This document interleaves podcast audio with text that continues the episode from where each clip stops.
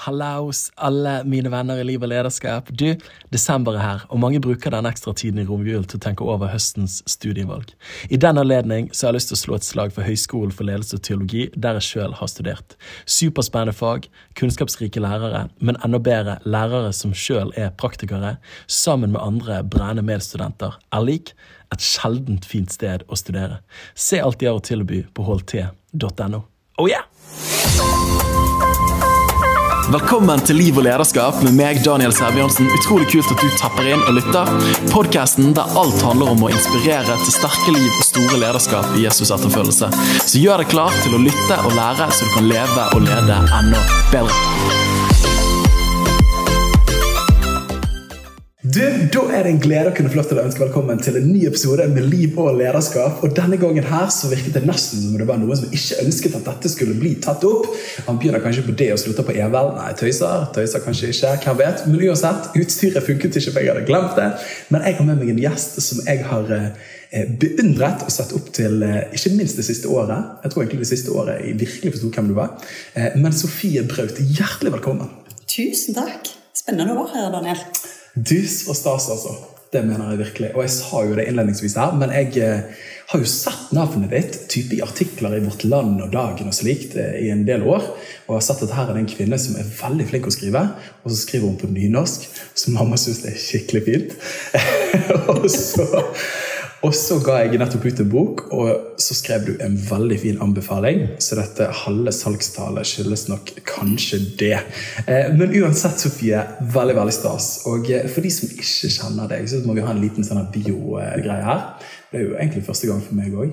Eh, men hvor gammel, ung er du, og hvor er du født og oppvokst? Ja, jeg er ryfylking. Jeg er fra Suldal inne i Ryfylke. Naturskjønne omgivelser mellom fjell og vei elv. Og så er jeg 45 år og har bodd på Jæren egentlig eh, ganske mange år etter hvert. Så jeg har liksom uh, Mellom der så var jeg student, bodde faktisk i Bergen, på dine trakter. Er det sant? Mm. Hvor mange år snakker vi? Nei, da, uh, hvor mange år siden? Eller? eller hvor mange år bodde du der? Ja, Da bodde jeg der i fem ja, Jeg var fort der i sånn fem år. ja. ja tok hovedfag der. Ja, i hovedfag i Jeg har hovedfag i amerikansk litteratur og kultur.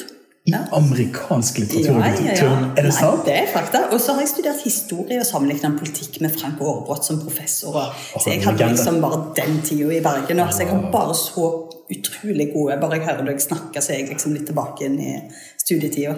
Så fint, altså. Ah. Det er ikke alle som har det forholdet til Bergen. Nei, jeg elsker Bergen. Jeg var på Brann stadion hele veien. Og, ja. Er det sant, ja? Mm. Det er deilig, da. Ja, så gøy. Ah. Herlig. Så du er, kommer fra Ryfylke. Bare hjelp meg liksom å, å forstå. Ja. Jæren, er det Ryfylke? Nei. Nei for Ryfylke er ikke, innover i landet. Ja, Ryfylke er inne i fjordene, liksom. Innifra, ja. på en måte kan jeg tenke innifra Stavanger, østover, ja. nordover. Ja. Inn iblant de høye fjellene som ligger der. Så ligger blant andre Rogalands største kommune, Suldal. Og der er jeg eh, født og vokst opp. I, på en gard, småbruk og i fine, landlige omgivelser. Er du odelsjente? Nei, det er jeg ikke. Jeg har tre eldre søsken, så det var det mer enn nok som kunne Og jeg har en bror, blant annet, som var destined til å ta over gården. Så det, der, han lever der nå og bor der ja, med familien sin. Mm. Ja, men så fint da. Det er jo noe av det fine med å ikke være eldst, for da kan du komme på besøk og bare nyte det uten forpliktelsene. Enige. Det er fantastisk. Vi elsker å reise inn. Det har hatt ungene våre masse med inn til Suldal, for vi, ja. ønsker at de òg skal hjemme der. Det, det er så fint også. Ah. Så det er litt det samme. altså Nå er jo jeg vestlending i hjertet. Og litt sånn vestlandspietist med frimodighet. Eh, det henger jo sammen gjerne. Over et fjell, gjennom en tunnel, over ei bru. Ja, der bor vi. Eh, så dette, Mamma er jo fra gard, så vi har liksom vokst opp med akkurat eh, den tingen der. Å kunne få lov til å være på gård uten forpliktelsene av å melke kyrne. Det er jeg veldig takknemlig for. Så det høres ut som vi deler noe der. Blant flere Absolutt, ting. Blant flere ting, ja. Så, det, så utdannelse, jeg pleier å spørre om det. Det har du allerede nevnt. Amerikansk yes. litteratur og kultur. Ja. Og sammenlignende politikk og ja. Og historie. Og, og historie. Men du har ikke studert teologi, har du det? Jeg har ikke studert teologi, nei. Men jeg skulle tro at du hadde svart belte i teologi. ja, men jeg, står, jeg føler liksom jeg, Det er ikke så lenge siden jeg oppdaget at C.S. Lewis kalte seg selv for lekteolog. Og det er et utrolig fint uttrykk. Altså for han var jo, altså, Uten noen sammenligning for øvrig, så kan jeg forstå i det der svære fotsporet av andre som har betydd noe for teologien, ja, ja. som ikke hadde den formelle utdannelsen. Wow. Og Det synes jeg er litt sånn, det er litt fint. Og vi har jo den, Du snakker om vestlandspietismen, sant? men det er klart vi har jo den tradisjonen for det myndige lekfolket. som, som jeg nå kan eh, ha som et referansepunkt i all mulig ydmykhet og, eh, og holdt på å si, ryfylke der er folk litt beskjedne og smålåtne. Så jeg, jeg, føler meg liksom føler meg litt der òg, da. Det har ikke dere bergensere nok. Jeg pleier å si at jeg er bergenser og karismatiker på toppen, så det, Oi, oi, det finnes jo ikke magemål igjen her. Men eh, Nydelig. jo, dette ligger an til å bli en veldig trivelig samtale. Det merker jeg meg òg.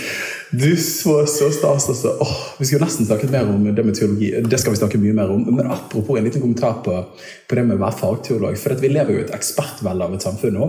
Så med en gang man uttaler seg om noe, så det at, med mindre du har noen studiepoeng å vise til, eller så liksom VG-overskriften 'eksperter sier', og så er det akkurat som eksperter skal ha så utrolig mye mening om alle mulige ting. Og så virker det som sånn der eh, er det pseudovitenskap ofte? Altså Det er liksom en halvveis vitenskap, men pga. at man har noen studiepoeng, så kan man hevde hva man vil, og da skal det liksom være sant. Og da syns jeg det er kult, da, apropos det myndige lekfolket, at når du leser i Apostlenes gjerninger, det er vel det fjerde kapittelet, at de tar eh, Peter og Johannes, og så står det at de, de så disse disiplene her, og de kunne ikke forstå hvorfor de kunne være så frimodige, for de hadde jo ingen formell utdannelse, men de gjenkjente dem, at de hadde vært sammen med Jesus. Åh! Nå fikk jeg lyst til å preke. Så det handler ikke om å ha en master, men det handler om om, du har vært sammen med mesteren. Eh, ja, Så er det fint med de som studerer faktiologi òg, da. Eh, det er det. Så jeg har jo mine tre år der. Men jeg tror jeg har lært mer etter eh, enn det jeg gjorde i løpet av de tre årene. Men uansett, du er gift.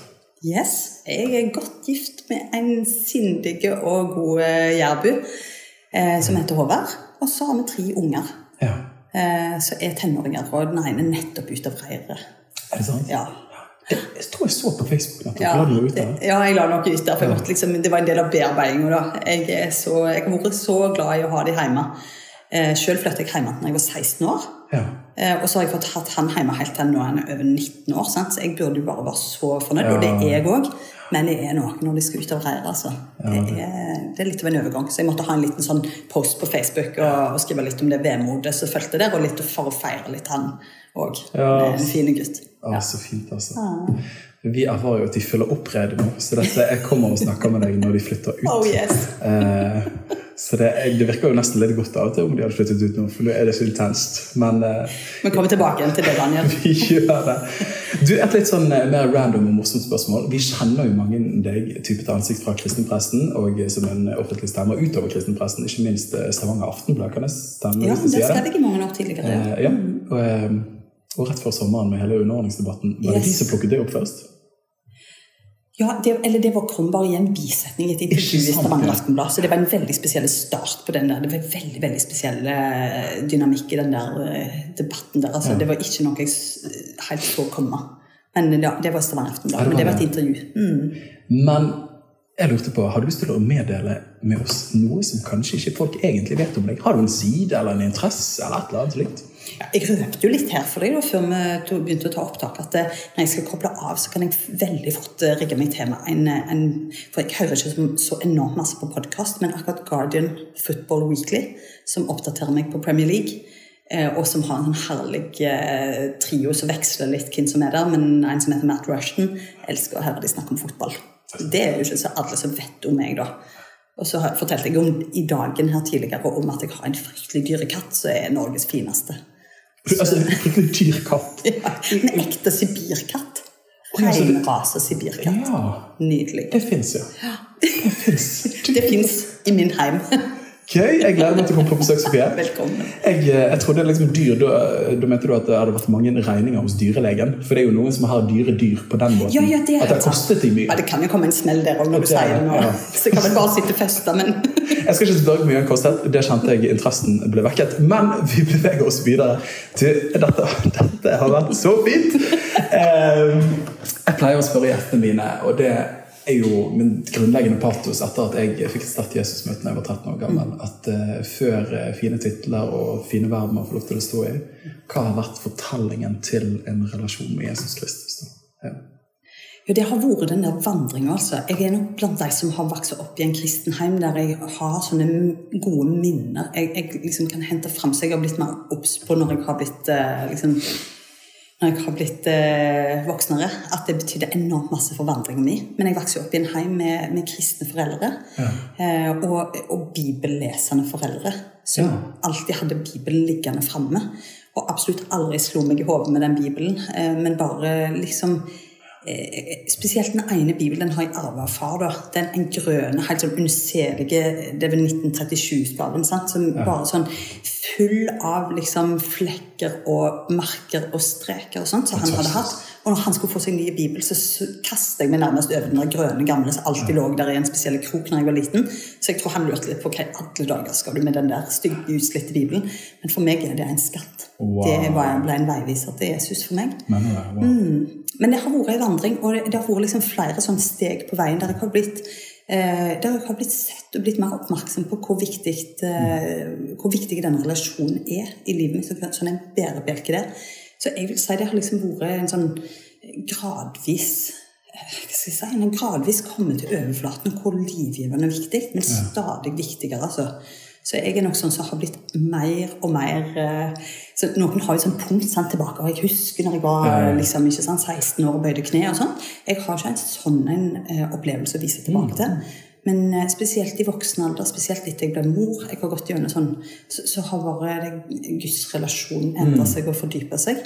Eh, også i seinere år så har jeg blitt veldig knytta til Jesus gjennom og, eh, og på en måte Ja, jeg- hvordan skal jeg uttrykke det, da? Altså Bare gjennom å binde meg til masta. Og bare velge han i mange sammenhenger. Så det, det, det har også gjort en god del med relasjonen min. Ja. Mm. Så deilig å høre. da. Så det har vært mer at man har vokst inn i kjennskap. Yes. Mer at man har gått fra mørke til lys. på en måte, Så har man alltid levd i en enkelt barnetro som har fått modnes gjennom årene. Ja, jeg tror det er en veldig god oppsummering av det. Definitivt. Mm. Oh, Så fint. også. Jeg syns det er sterkt å nevne med din far sin bibel. Det, jeg òg har hatt den anledningen å kunne få lov til å arve både besteforeldre og oldeforeldre sine bibler. og mm. å kunne slå opp i dem og se tidligere liksom, streker og deres refleksjoner osv. Det er noe utrolig rikt ved det. altså.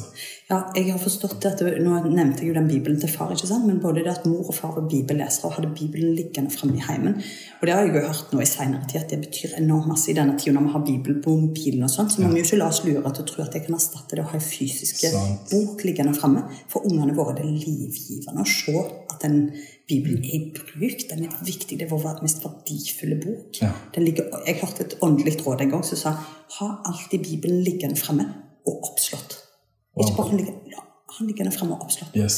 Det formidler enormt. Så det er jo spennende. Sikkert i tillegg til andre ting. Ja. Så, ja, så lenge du har en bibel oppslått, kommer det til å gå bra med barna dine. Men én ting blant mange ting.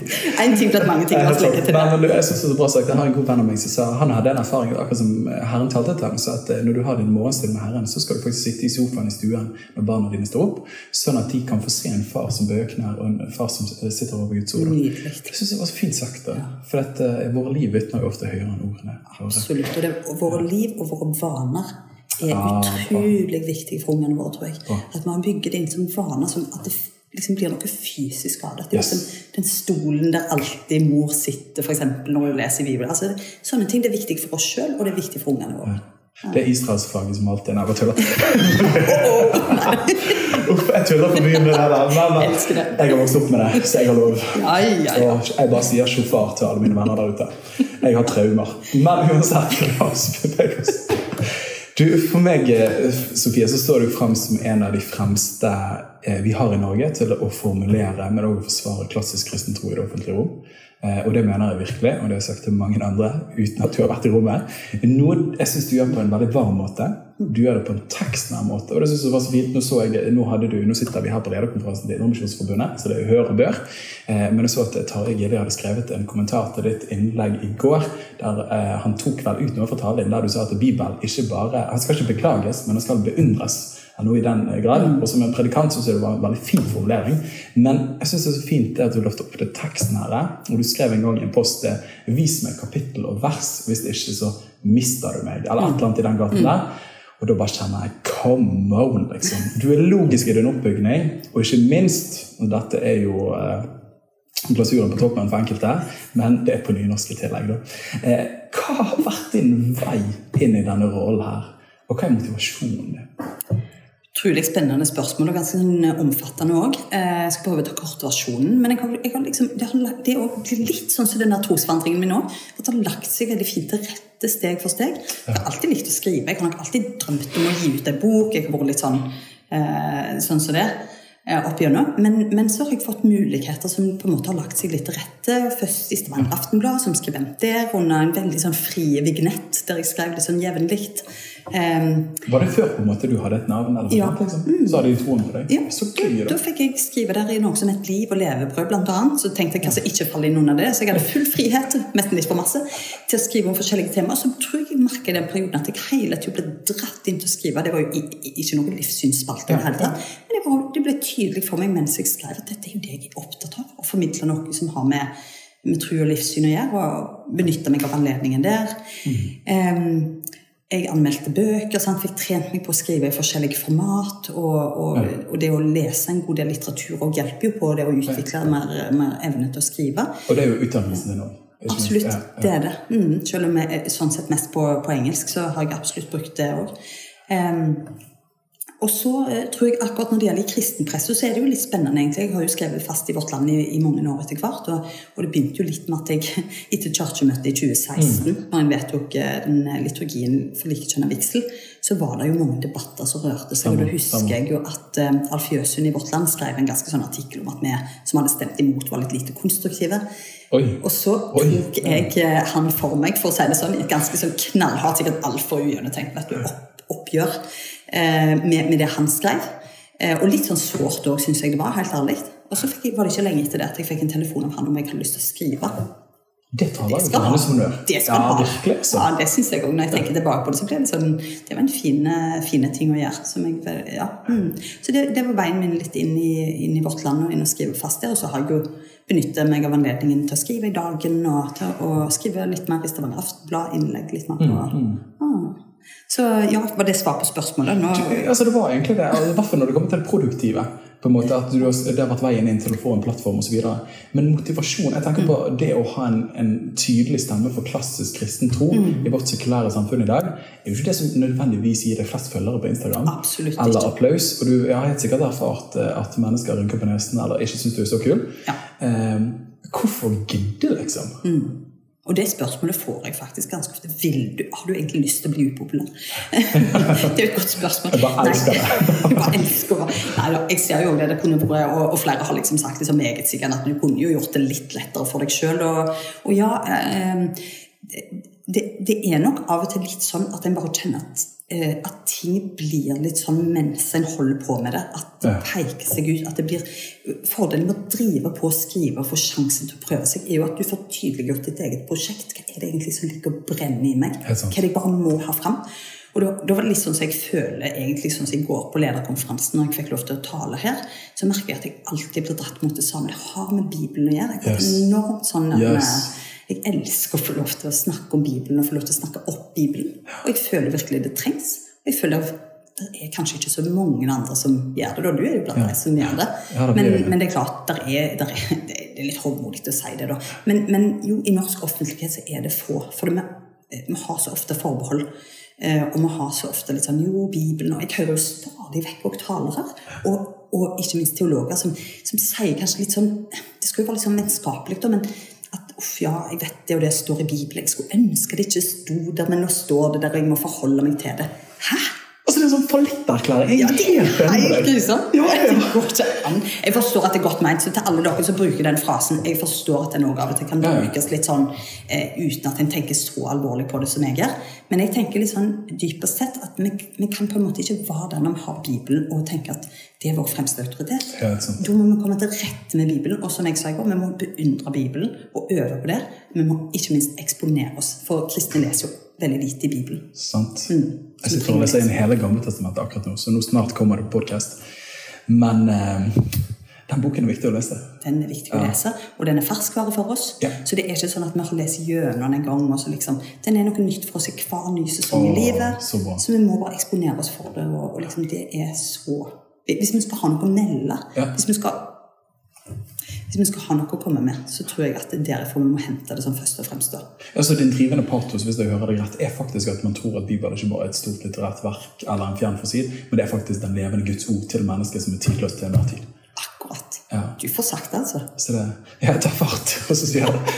Men så det er rett og slett kjærligheten til Guds ord. da. Av at Gud han er, han er en god far, han vil oss det beste, så det han åpenbarer sitt ord, er det beste for oss. Ja, altså det er, det er utrolig jeg tror, jeg tror dette her har blitt tydeliggjort som mitt prosjekt og min brann imens jeg har drevet og skrevet om mange forskjellige temaer Ja. og vært opptatt av mange forskjellige ting. Så bare utkrystalliserer det seg at det er dette her det handler om. Eh, først og fremst. Ja. Mm. Du, så fint, altså. Åh, denne patosen, denne deler vi. Det er ingen tvil om. Men Det trengs patos, altså. Det er viktig med patos. Det er flott med logos og etos, men det er patos oh, må til. altså. Altså, Gud må gripe hjertene våre. Yes. Men jeg bare tenker for, for mitt liv da, sånn Jeg kunne ikke fått dra og lese. Mamma prøvde å tvinge meg til å lese Bibelen fra jeg var liten. Eh, og det er nok mange mødre som har prøvd på det. Og så fikk jeg et sterkt Jesusmøte ved Den hellige ande, som mamma ville sagt. Eh, og da ble Bibelen levende. Da var det veldig viktig for meg å lese Bibelen. Men jeg kan se tilbake på så mange situasjoner og sesonger i mitt liv som har vært krevende. Men så har du fått, altså du har fått et bibelvers. Du har blitt minnet på noe. Men hvordan Guds ord løser da? Det er akkurat som autoriteten i ordet. Jeg blir stadig mer overveldet over den kraft som finnes i Guds ord. Både til å helbrede, til å gi perspektiv, til å gi håp, til å gi løfter. Og så er det akkurat som Guds ord det er, det er vår fedre av til barnet skal det gagne, som du sier. Eh, åh, jeg kjenner jeg blir så glad, Sofie! Dette, her, Ja. dette ligger meg opp hjertet, men jeg hører vi har noe virkelig felles her. Og jeg bare, men jeg bare lurer liksom på, sant, om, for, for jeg er helt på linje med deg, og jeg, sa vel egentlig òg, eller iallfall mener jeg da, at eh, mange sier jo i dag sant, at uff, man kan bli utbrent, sant, og man må ikke legge på folk det, det å lese i Bibelen, ikke sant, at det blir et plikt og sånt, men jeg, jeg tror folk egentlig blir, blir utbrent fordi en prøver å stå i kristen tjeneste uten nok tilførsel av Guds ord. Så jeg tror det ser oss utbrent. Det er ikke at vi sitter og å, jeg må lese to kapitler i Bibelen i dag. liksom. Så jeg tror vi må bare snu litt på det der. altså. Jeg tror det er viktig. Men så, så tenker jeg jo liksom eh, Ja, det er sjelesørgerisk og godt meint, det der å liksom ta byrden av folk. Men jeg tror bare vi må komme vekk fra det å tenke på Bibelen Yes. som en byrde. Å, bra sagt. Bra sagt, altså. Oi, oi, oi. Dette er litt sånn Sela-øyeblikk innimellom her. Men oh, All right. Eh, men jeg tenker på, du og meg, Sofie, eh, dette står ikke akkurat i notatene, men bare i forlengelsen av dette her. Eh, du stakk hodet ditt fram i Stavanger Aftenblad, som ble startet av Lars Oftedal i sin tid. Stemmer det? Stemmer. Ja, ja det god stemmer. lekmannshøvding på Ja, ja, ja, ja. Utrolig, så han fikk gjort ting. Start avis og whatnot. Ja. Nei, for en mann, altså. Men du begynte å skrive der, og så var det denne artikkelen som kom ut eh, med underordning, så var en bisetning der, og så ble plukket opp av alle de andre. Eh, kristenpressen. Det er kanskje litt mer gøy å skrive om det. Eh, og så eh, snek jeg meg på i den sagaen der, litt forsiktig, eh, av jeg ble så eh, frustrert. Forhåpentligvis en hellig frustrasjon. Eh, men jeg måtte skrive noe og melde noe der. Men du fikk ganske mye pes. Eh, og da blir spørsmålet mitt, og det er jo ikke første gang gjerne du får litt pes, kanskje dette var en av de verste gangene til nå, eh, men hvordan takler du motbør? Godt spørsmål. Det er Jeg tror jeg, jeg takler motbør, for jeg er ganske tålmodig og nokså sindig på en måte sånn, Ja. i møte med akkurat det. Jeg har temperament når det gjelder en del ting, men akkurat når det gjelder det, så, så tror jeg jeg er ganske god til å, å, å bare liksom koble det litt ut. Jeg sitter heller ikke og gransker kommentarfelt, f.eks. Jeg har ofte gode venner som kan kikke gjennom og si litt eh, Var det ille? Ja, litt. så det er bedre å få det filtrert under gode venner. Eh, jeg, jeg tenker litt sånn at, at jeg kan forstå altså det er, Veldig ofte er det jo misforståelser og sånt som så, ligger til grunn nå for at folk eh, er ubetenksomme og Ja. sier, sier tøffe ting. Og så føler jeg kanskje òg her med Bibelen som veileder, så tenker jeg jeg er jo ikke forespeilt noe annet enn å få motgang. Jeg kan jo ikke regne med at alle ser det fra mitt ståsted, og alle er liksom eh, enige med meg.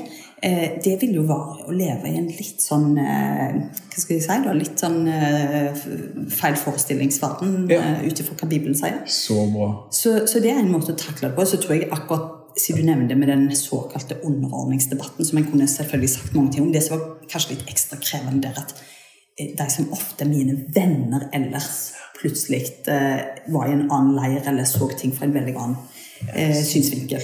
Så, så det er jo litt sånn, Men det var jo også litt spennende. sant? Så fikk du opp noen andre dynamikker. Ja. Um, og, så, og så må en på en måte gå litt videre. Det er òg veldig fordel for meg. Jeg er ganske distré, og jeg er veldig god til å glemme Ja, eh, at folk har sagt noe dumt. Ja. Så, så bra. sier så mange dumme ting sjøl, så jeg, jeg håper å være litt sånn nådefull mot andre. Så det er herlig å være gift med deg, da. Alltid ny start. Ny nåde hver morgen. Ja, du, ta det med hodet. ja, ja, vi får, vi får ha den med neste gang. Så, ha. Men apropos den underordningsdebatten. da. Eh, hva var det som overrasket? Nå nevnte det litt, da, men at folk eh, som gjerne står på klassisk grunn på en del områder, men akkurat på dette området her, så tenkte man gjerne litt annerledes. Var det en av overraskelsene? Eller hva mer var det som liksom overrasket deg i hele den her eh, Alt som utspilte seg rett før sommeren? Kjempebra å få litt anledning til å reflektere litt mer over det. Det er klart det som overrasker meg først og fremst, var kanskje at dette her var jo et, et intervju i en veldig sånn sant, Det var under vignetten. Det var et stort intervju med meg, egentlig, som bare var kvinner som ikke er fire. Ja. Eh, og da var det jo naturlig å trekke fram litt spesielle ting òg. Um, dette var ikke et spesielt fokus, det må jeg bare si, det intervjuet, så det fikk veldig liten plass, egentlig. Men, men det ble slått veldig stort av pusha av Stavanger Aftenblad, riktignok, og, og ble grepet tak i av noen veldig sinte eh, feminister, som mm. også, som du sier, videre i kristen presse. Kanskje det overraska meg litt at kristne lavkirkelige kristne, eller kristne som egentlig er inne i bibelsk verdensbilde, er så lite åpne bare for å utforske det. Mm. Jeg syns det er litt trist at ikke, at ikke det kan være litt spennende å se, for, for jeg har jo hele tiden insistert på at eh, at dette Ja, det begynte med at jeg sa om at dette er viktig, eller dette er en del av mitt ekteskap. Kanskje ikke så viktig alltid i en norsk Nei. kontekst, men likevel en del av det som ikke jeg har tenkt så masse på, helt ærlig. Men det spiller en rolle. Ja. Um, og så, så, blir det på en måte litt sånn dette kan vi ikke snakke om engang. Eller dette her er helt irrelevant. Ja, og så tenker jeg men underordning klar, altså, Det er jo et begrep som vi på en måte trenger litt når det gjelder vi snakker om Bibelen nå. Vi må jo underordnes. Er det, er det jo blitt fremmed? Det er jo elementær bibelske dogme. Altså Vi underordner ja. oss eh, Gud. Ja, akkurat. Sant? Åndenes far, underordner dere åndens far, og dere skal leve. Det er jo et bibelås sier. Yes. Så, så, så, kanskje det at vi er så fremmede for og, og tenke at dette er en måte å tenke på at, at eh, Bibelen på en måte inviterer oss inn i et univers som er så kvalitativt annerledes enn mm. det sekulære eh, på en måte norske eh, tankegangen. Ja. Jeg, jeg, jeg, tror jeg ble litt jeg, er ikke typen som blir så veldig skuffa, men jeg tror jeg bare forundrer meg litt over at ikke folk kan gripe anledning til å ta et dypdykk Åh, hva er liksom det bibelske universet? Yes. Det er jo et annet liv, en annen virkelighet. liksom. Jeg er litt skuffa over at en ikke ønsker å liksom utforske det litt mer. Og se litt mer hva kan dette bety. Eh, ok, Om en da tenker at ja vel, det virker litt rart å snakke om de ekteskapene, vi er ikke så vant med det. Eh, nei vel, men liksom å bare avvise det som en viktig idé. Og i hvert fall de som er klassisk på så mange andre områder yes. og hevder å ha Jesus og Herre i livet sine. Men akkurat så her, dette er liksom no go-området. Her har mm. liksom likestillingskampen og feminismen har avgjort dette for lenge siden. Vi slipper å gå inn der, for vi har på en måte den norske narrativen på dette området. Så det, det Bibelen sier på dette området, er man trekker kulturkortet og ja. tenker at det er arkaisk. Så akkurat dette slipper vi å forholde oss til.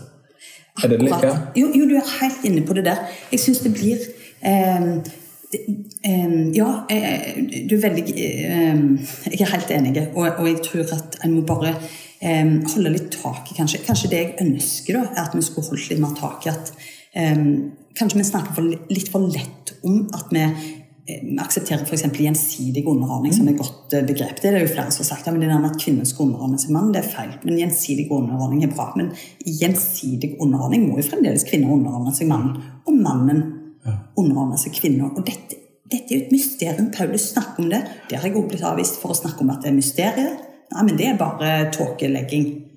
Paulus og Bibelen snakker om det som et mysterium som en skal utforske og, og tenke over. Og, og, vi trenger jo denne her orden, tror jeg, for å få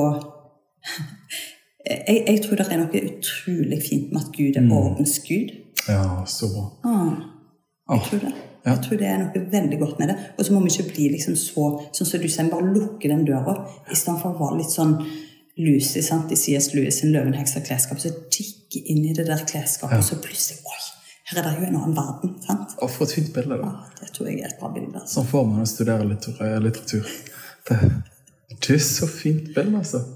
Jeg syns det var interessant det du sa der.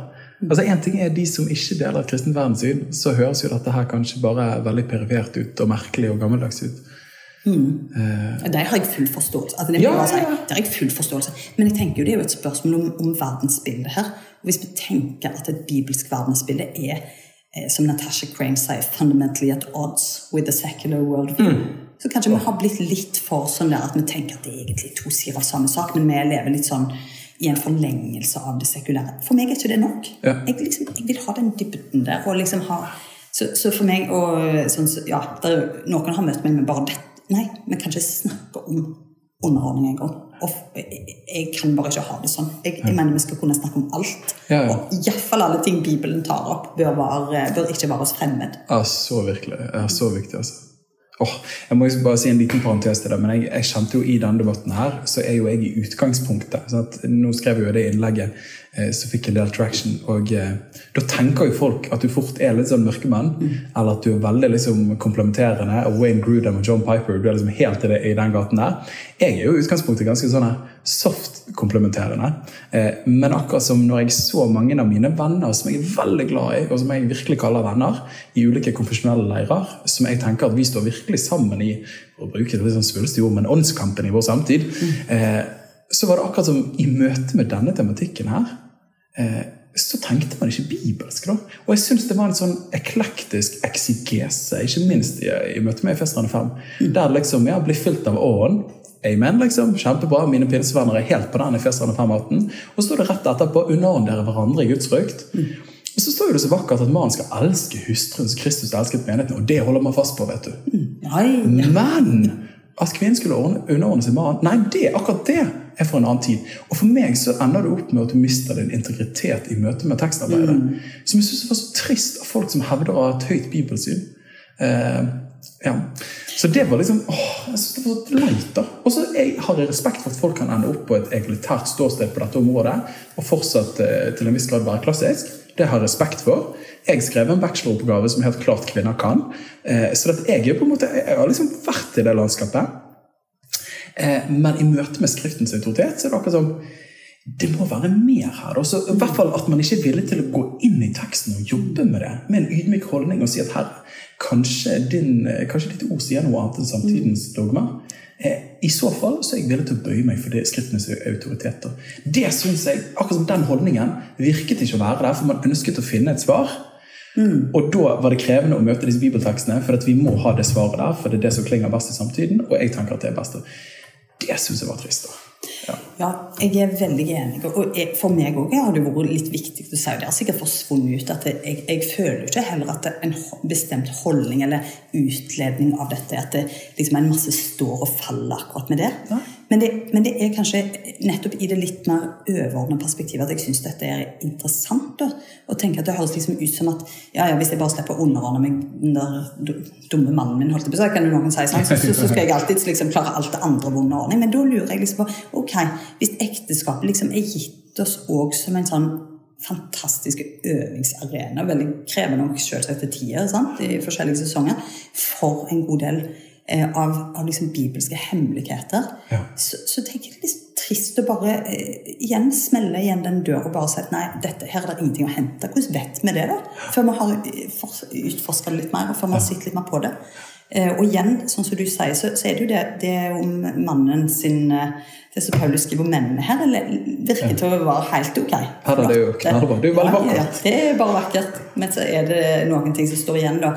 Og selvfølgelig, vi må jo se det inn i vår kulturelle kontekst, og at det er vanskelig å, å forstå, spesielt for de som eh, for de som har et helt annet verdensbilde. Så Mm. Det er en grunn for at jeg har sagt jeg, har sagt jeg kunne vært veldig rikskjendis på dette, for NRK har tatt kontakt med meg flere ganger enn jeg klarer å telle.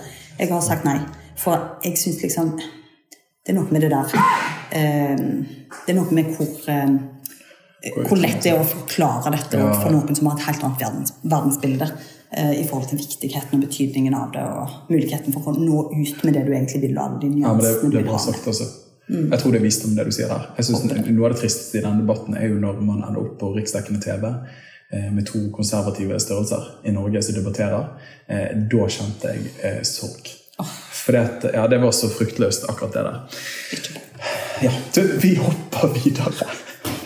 Fra underordning til eh, samfunnsliv, og vi er jo allerede inne i det her. Men med din erfaring, eh, du sier NRK har kontaktet deg i denne anledning, men helt sikkert i andre anledninger òg. Du har fått til å snakke inn, ikke bare i liksom, kristne ekkokamre. Eh, men hvordan vil du si at klima er for å hevde et klassisk kristent standpunkt i vår samtid? Og kanskje enda mer spennende spørsmål med hvor tror du vi er på vei hen? Eh, finnes det rom for våre stemmer liksom, om 10-15 år? Det er herlig å få mulighet til å tenke disse her, altså se litt inn i krystallkula og bare liksom tenke litt uh, stort og vidt og bredt og synse litt. Jeg tror, eh, altså, det, til det første spørsmålet litt, det, det, er jo et veldig interessant spørsmål. Hva, hva liksom, plass er det for, mm. for et klassisk eh, bibelsk verdensbilde? da? Så er jo det Kanskje det er liksom litt opplagte svaret der at nei, nå er det lite ja. rom. Der rommet har blitt mindre og mindre. og alt dette her.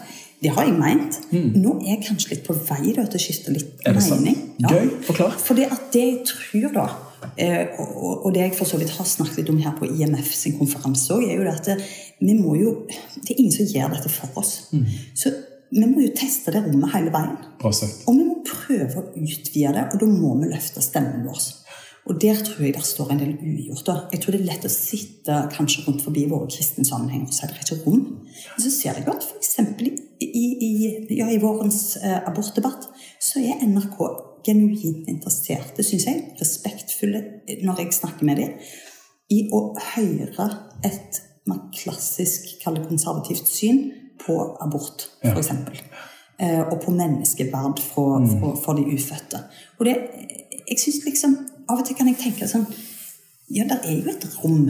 Eh, tester vi ut hvordan det rommet er? Insisterer vi på det rommet? Ja, altså Vi òg har rett som et demokratisk samfunn, så er det plass til våre stemmer òg. Ja, eller vi må jo iallfall prøve, prøve det ut. Og så, så, får vi jo si at hvis alle dører blir lukket, hvis det er no plattform, hvis vi aldri når igjennom, så får vi jo heller komme tilbake og si nei, det var ikke muligheter. Men jeg føler liksom vi har ikke prøvd ut ennå.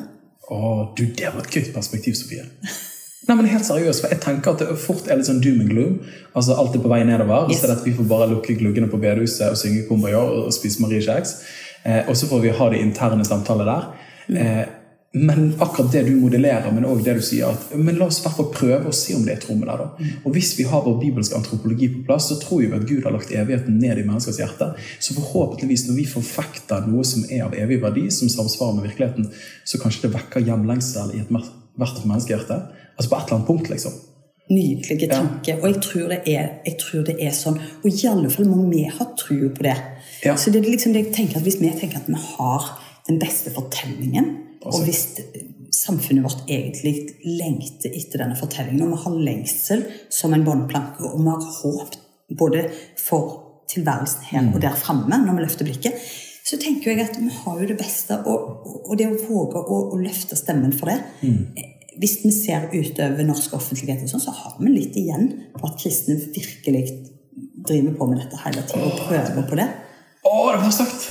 Nå ble jeg giret. Herlig. Nei, men du, åh!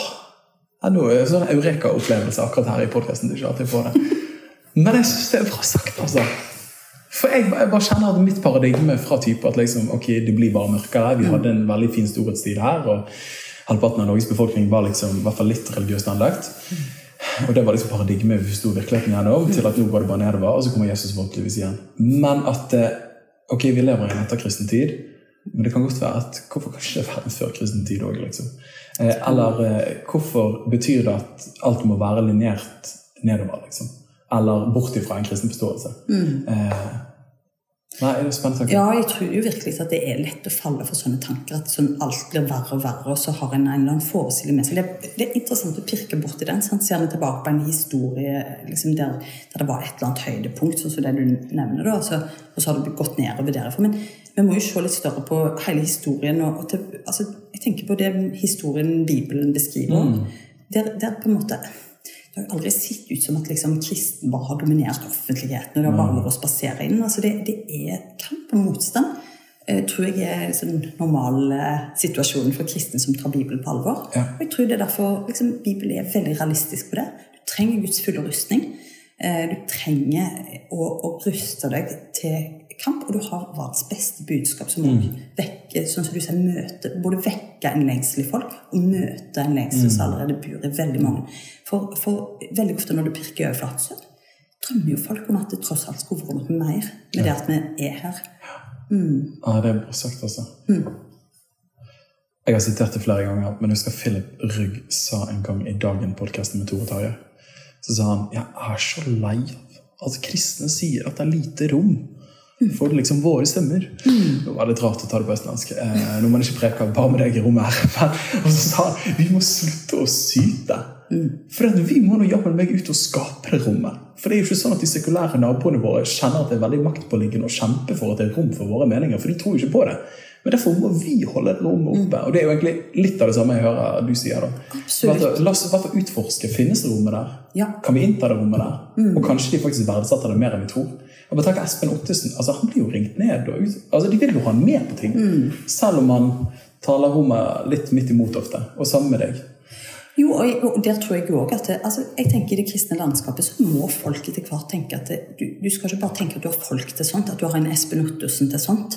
Ja. Altså, at folk driver og utforsker litt og prøver hvordan kan en gjøre det. At det finnes en tabbekvote for kristne òg. At det å prøve ut stemmen sin og se. Eh, For jeg var nettopp på, på et, hadde et seminar om det, det der å ta, mm, liksom ta ordet og så videre. ikke sant? Og så sier fort noen i salen at ja, men du, det der er jammen ikke for alle. Og, nei, da er budskapet mitt det er sikkert ikke for alle. Men når en tenker på alle de kristne ressurspersonene som ikke tar ordet, så er det for litt flere. Bra sagt, altså. Og da beveger vi oss over eh, til neste spørsmål, som eh, egentlig eh, man nesten forskutterte der. Men jeg merker fra eget liv og mange andre kristne ledere som personlig har stor nysgjerrighet for Guds ord, har bibelsk verdenssyn, men at man ikke nød, altså man ønsker ikke nødvendigvis å fremme alt man tror på eh, i den eh, offentlige samtalen.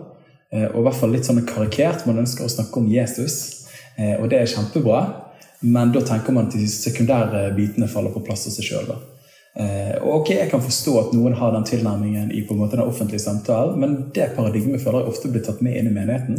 Så man snakker f.eks. ikke om kristen seksualmoral, man snakker ikke om måten man skal leve sammen på.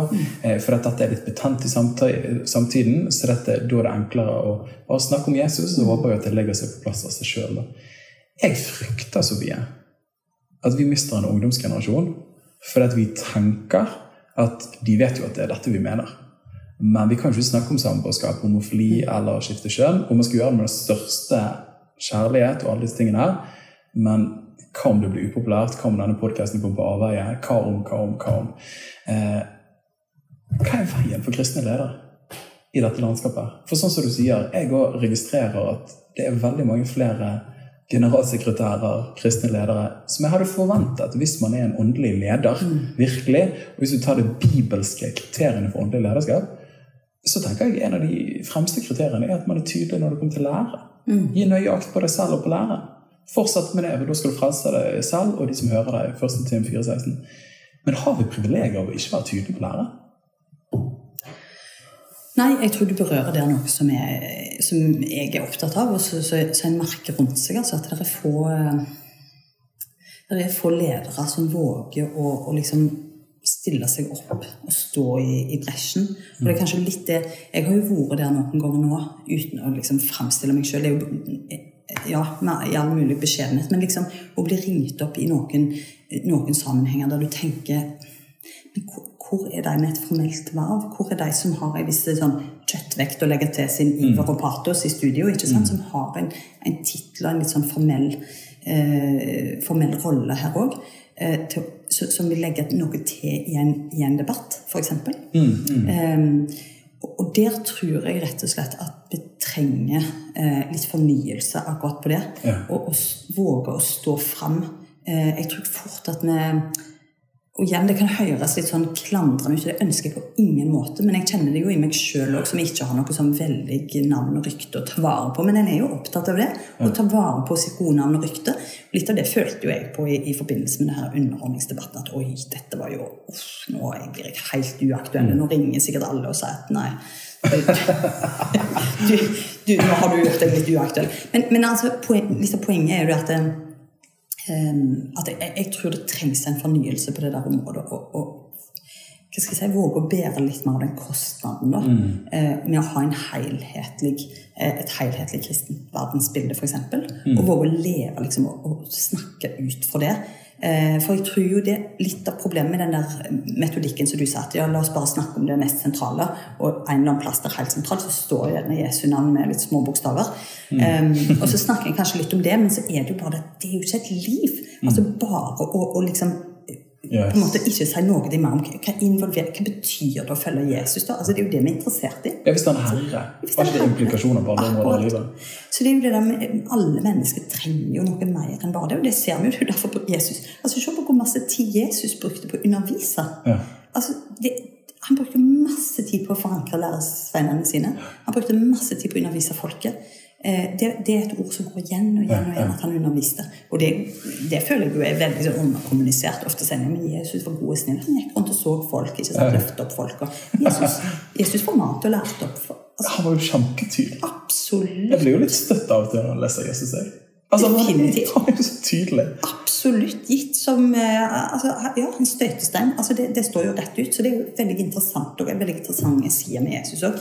At det er jo ingen enkel vei der det er liksom bare highway og popularitet og jubel fra begge sider, liksom. sant? For det er jubel fra begge sider, kanskje et kort øyeblikk. Så når han, når han rir inn i Jerusalem, sant? Så, så, så ropes det, sant? men så går det så kort tid. Og så er det et helt annet rop som runger. Og da har folk tatt eh, avstand ifra han og, og og ser han ikke i det lyset lenger. Og så, sånn tror jeg vi må besinne oss på det. Altså at, eh, ja, Ja, det det, det tror jeg lederne våre trenger å, å kanskje reflektere enda litt mer over. At eh, du vil så gjerne, og jeg ser det, kristne skoleledere, kristne ledere i mange sammenhenger, har, jeg har veldig respekt for det. Enormt mange hensyn å ta. Men til slutt så må en prioritere, og til slutt må en òg akseptere.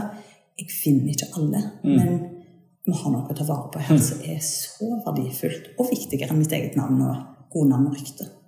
Det var bra sagt, altså.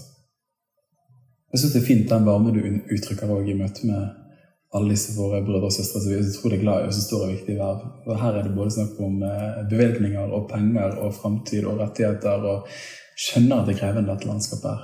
Samtidig, ja, hvem er det vi bøyer oss for til syvende og siste? Absolutt. Og jeg tror jo òg det der med, med rammebetingelser, og hvordan staten stiller seg, og hvordan politikerne virker til å ha tatt avstand fra en god del av de verdiene som ligger oss mest på hjertet. Jeg tenker litt sånn, Det er absolutt ting jeg har syn for. Så jeg også har jo sånne moments der jeg bare tenker Hæ? Er de så kjipe mot bibelskolene? sant? Er myndighetene så Ser de ikke hvor masse godt bidrar? Men vi kan på en måte ikke belage oss på at staten skal heie oss fram og legge til rette for oss. Vi har hatt gode tider. Nå skifter det litt, ser det ut for. Ja, Det, det er realiteten for Guds folk. Og det er jo realiteten for majoriteten av Guds folk i verden. Jeg snakket med en bibelskolerektor denne uken her da jeg underviste på en skole, så sa han at vi er det eneste landet i verden som får tilskudd for å drive bibelskole. Så det, vi tenker liksom, ok, dette er et tegn på avkristning, at vi går fra 75 til 65 stø- stønad, som er jo kjempetrist. Kunne ønske det var større. Absolutt. Og det bidrar langt mer enn det blir anerkjent for. Samtidig, i det store bildet, så har vi det forholdsvis greit. Absolutt. Og der er, er noe der å, å, å tenke gjennom hvordan rammebetingelsene har vært. Og det vil jeg også legge til i hva grad at vi må virkelig ta på alvor det. Hvor knytter, altså Hva bindinger følger det med de pengene som vi venner oss til å ha? Og igjen, dette, dette er tøft. Dette er kjempekrevende. Jeg har vært lærer på friskole i mange mange år, videregående friskole. Og allikevel så, så merker jeg at vi må når tidene skifter, så må en liksom gå i seg sjøl og tenke sånn Har vi blitt for avhengige av statlig goodwill, av tilrettelige rammebetingelser etc.? Jeg vet ikke svaret på det, men, men da må en på en måte tenke litt ja, hva, hva betyr det? Mm, for du må jo ikke stoppe det arbeidet vi driver. Altså jeg tenker Folk driver under andre himmelstrøk. De har ingenting. Ja, men Elendige. Ja. Yes. Og, og allikevel så, så er jo må vi jo også være så ærlige og si at det er jo den delen av verden at eh, går fram, og at budskapet om Jesus virkelig får, eh, får trenge gjennom å forandre mange menneskeliv. Så Helt sant. Ja, det er viktig, altså. Eh, Spørsmålet blir jo nesten om det har eksistensberettigelse hvis ressursene forsvinner. Hvis det da ikke, eller på en måte, hvis det ikke de har drivet til å fortsette, med mindre, så tenker jeg da var jo nesten litt godt at dette ble avslørt. For da er det noe som ikke er på plass i utgangspunktet. det er faktisk eh, et litt alvorlig, men, men jeg tror det, det er sant. Ja. Du sier det. Mm. Du, Jeg har to spørsmål til. Eh, Dette kunne fortsette i en ikke i en evighet, vi tror jo på en bokstavelig evighet, men det kunne fortsette en lang stund til.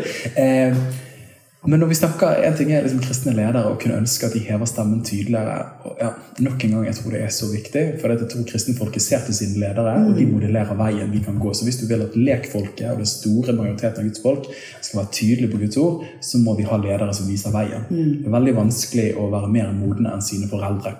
Eh, men for det vanlige lekfolket som ikke har en posisjon eller ikke hever lønnslipp fra et kristen organisasjon eller menighet, hvordan liksom helt konkret ville du veiledet dem til å våge å ikke bare være taus og ikke leve ved samtidens løgner, men å våge å liksom heve stemmen på et kristent verdenssyn i samtale?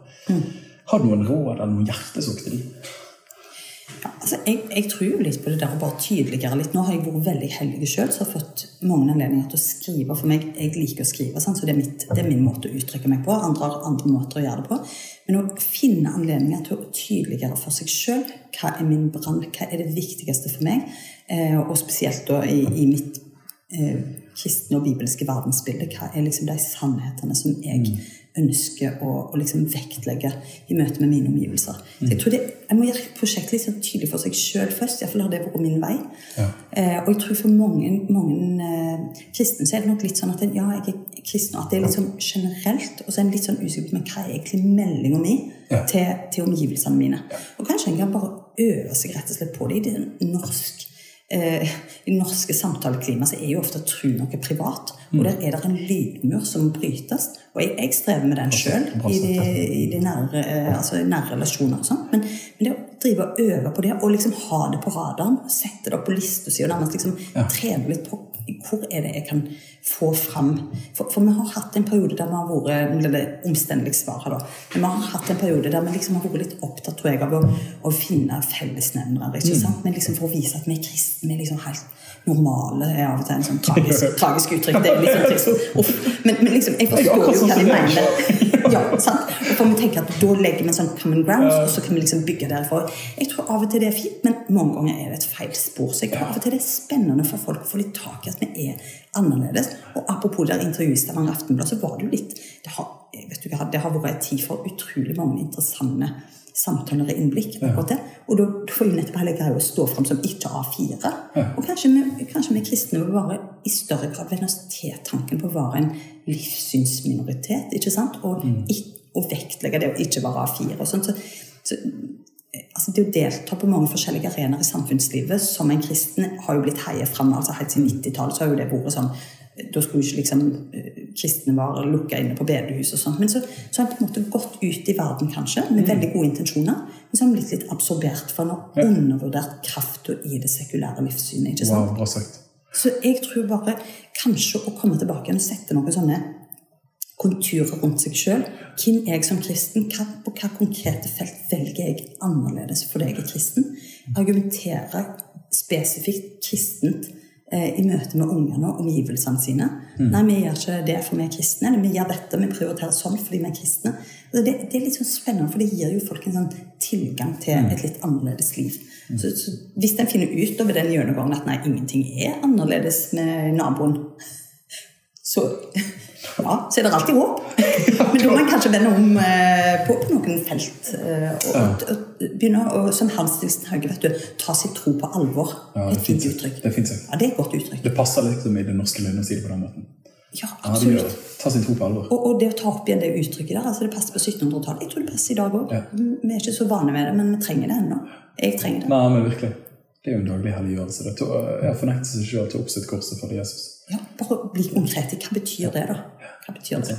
Mm. Og jeg kjenner eh, På slutten av det du sier der, der å liksom forsone seg med at på disse områdene så er jeg annerledes enn naboen. Mm. Jeg tenker jo, Det har jo kjennetegnet Guds folk til alle tider. At man er det annerledesfolket. Mm. Eh, og mange har tatt til orde for eksilteologi et sånn fint ord, men vi er jo et pilegrimsfolk som er på gjennomreise. Så vårt hjemland er jo i himmelen. Ja. Som gjør at vi er jo ikke lik naboen. Eh, vi har mange fellesnevnere, men samtidig i dypeste forstand så er vår tilhørighet til en konge og til et rike mm. som har begynt å komme, men som en dag vil komme fullt og helt.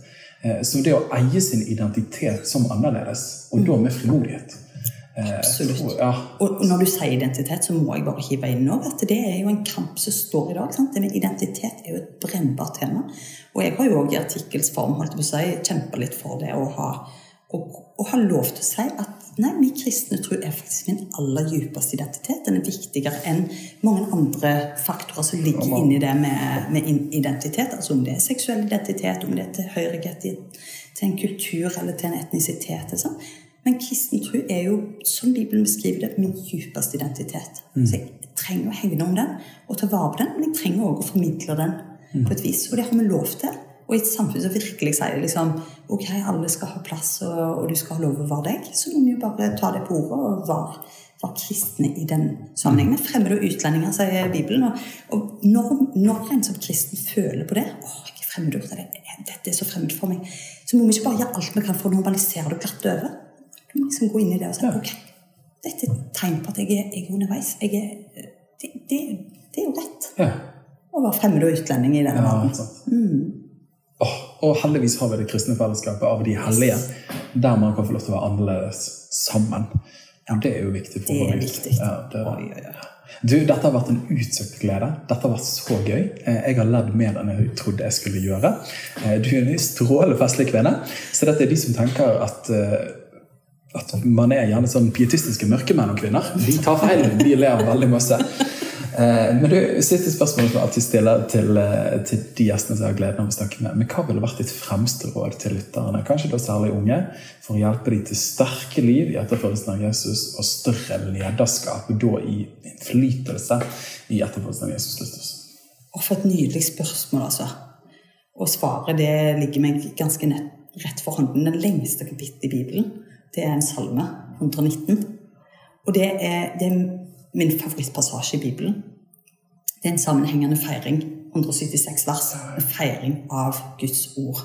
Beundring av Guds ord, glede i Guds ord, alt du kan hente der. Jeg tror Hvis du skal stå sterkt, så må du ha næring. Sånn er det det biologiske livet vårt. Sant? Det å ha et liv. Du har jo et liv hvis du ligger på respirator. Du har jo et liv hvis du bare har et drypp i armen og det spinner rundt liv. Men du vil ha et rikt liv, så trenger du å ta til deg godt med næring. Og da er for det indre livet så trenger en å ta til seg fra Guds ord. Ja. Mm.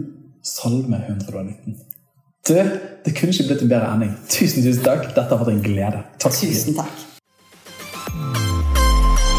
Takk for at du lyttet inn til Liv og lederskap, og håper at du ble inspirert til å leve sterkere og lede større Jesus-etterfølgelse. Hvis denne episoden ga deg noe, del den veldig gjerne videre til en venn eller to, sånn at de kan bli inspirert. Og husk det at ditt liv, ditt lederskap, betyr en forskjell, så ikke len deg tilbake, men len deg framover. Vi trenger deg.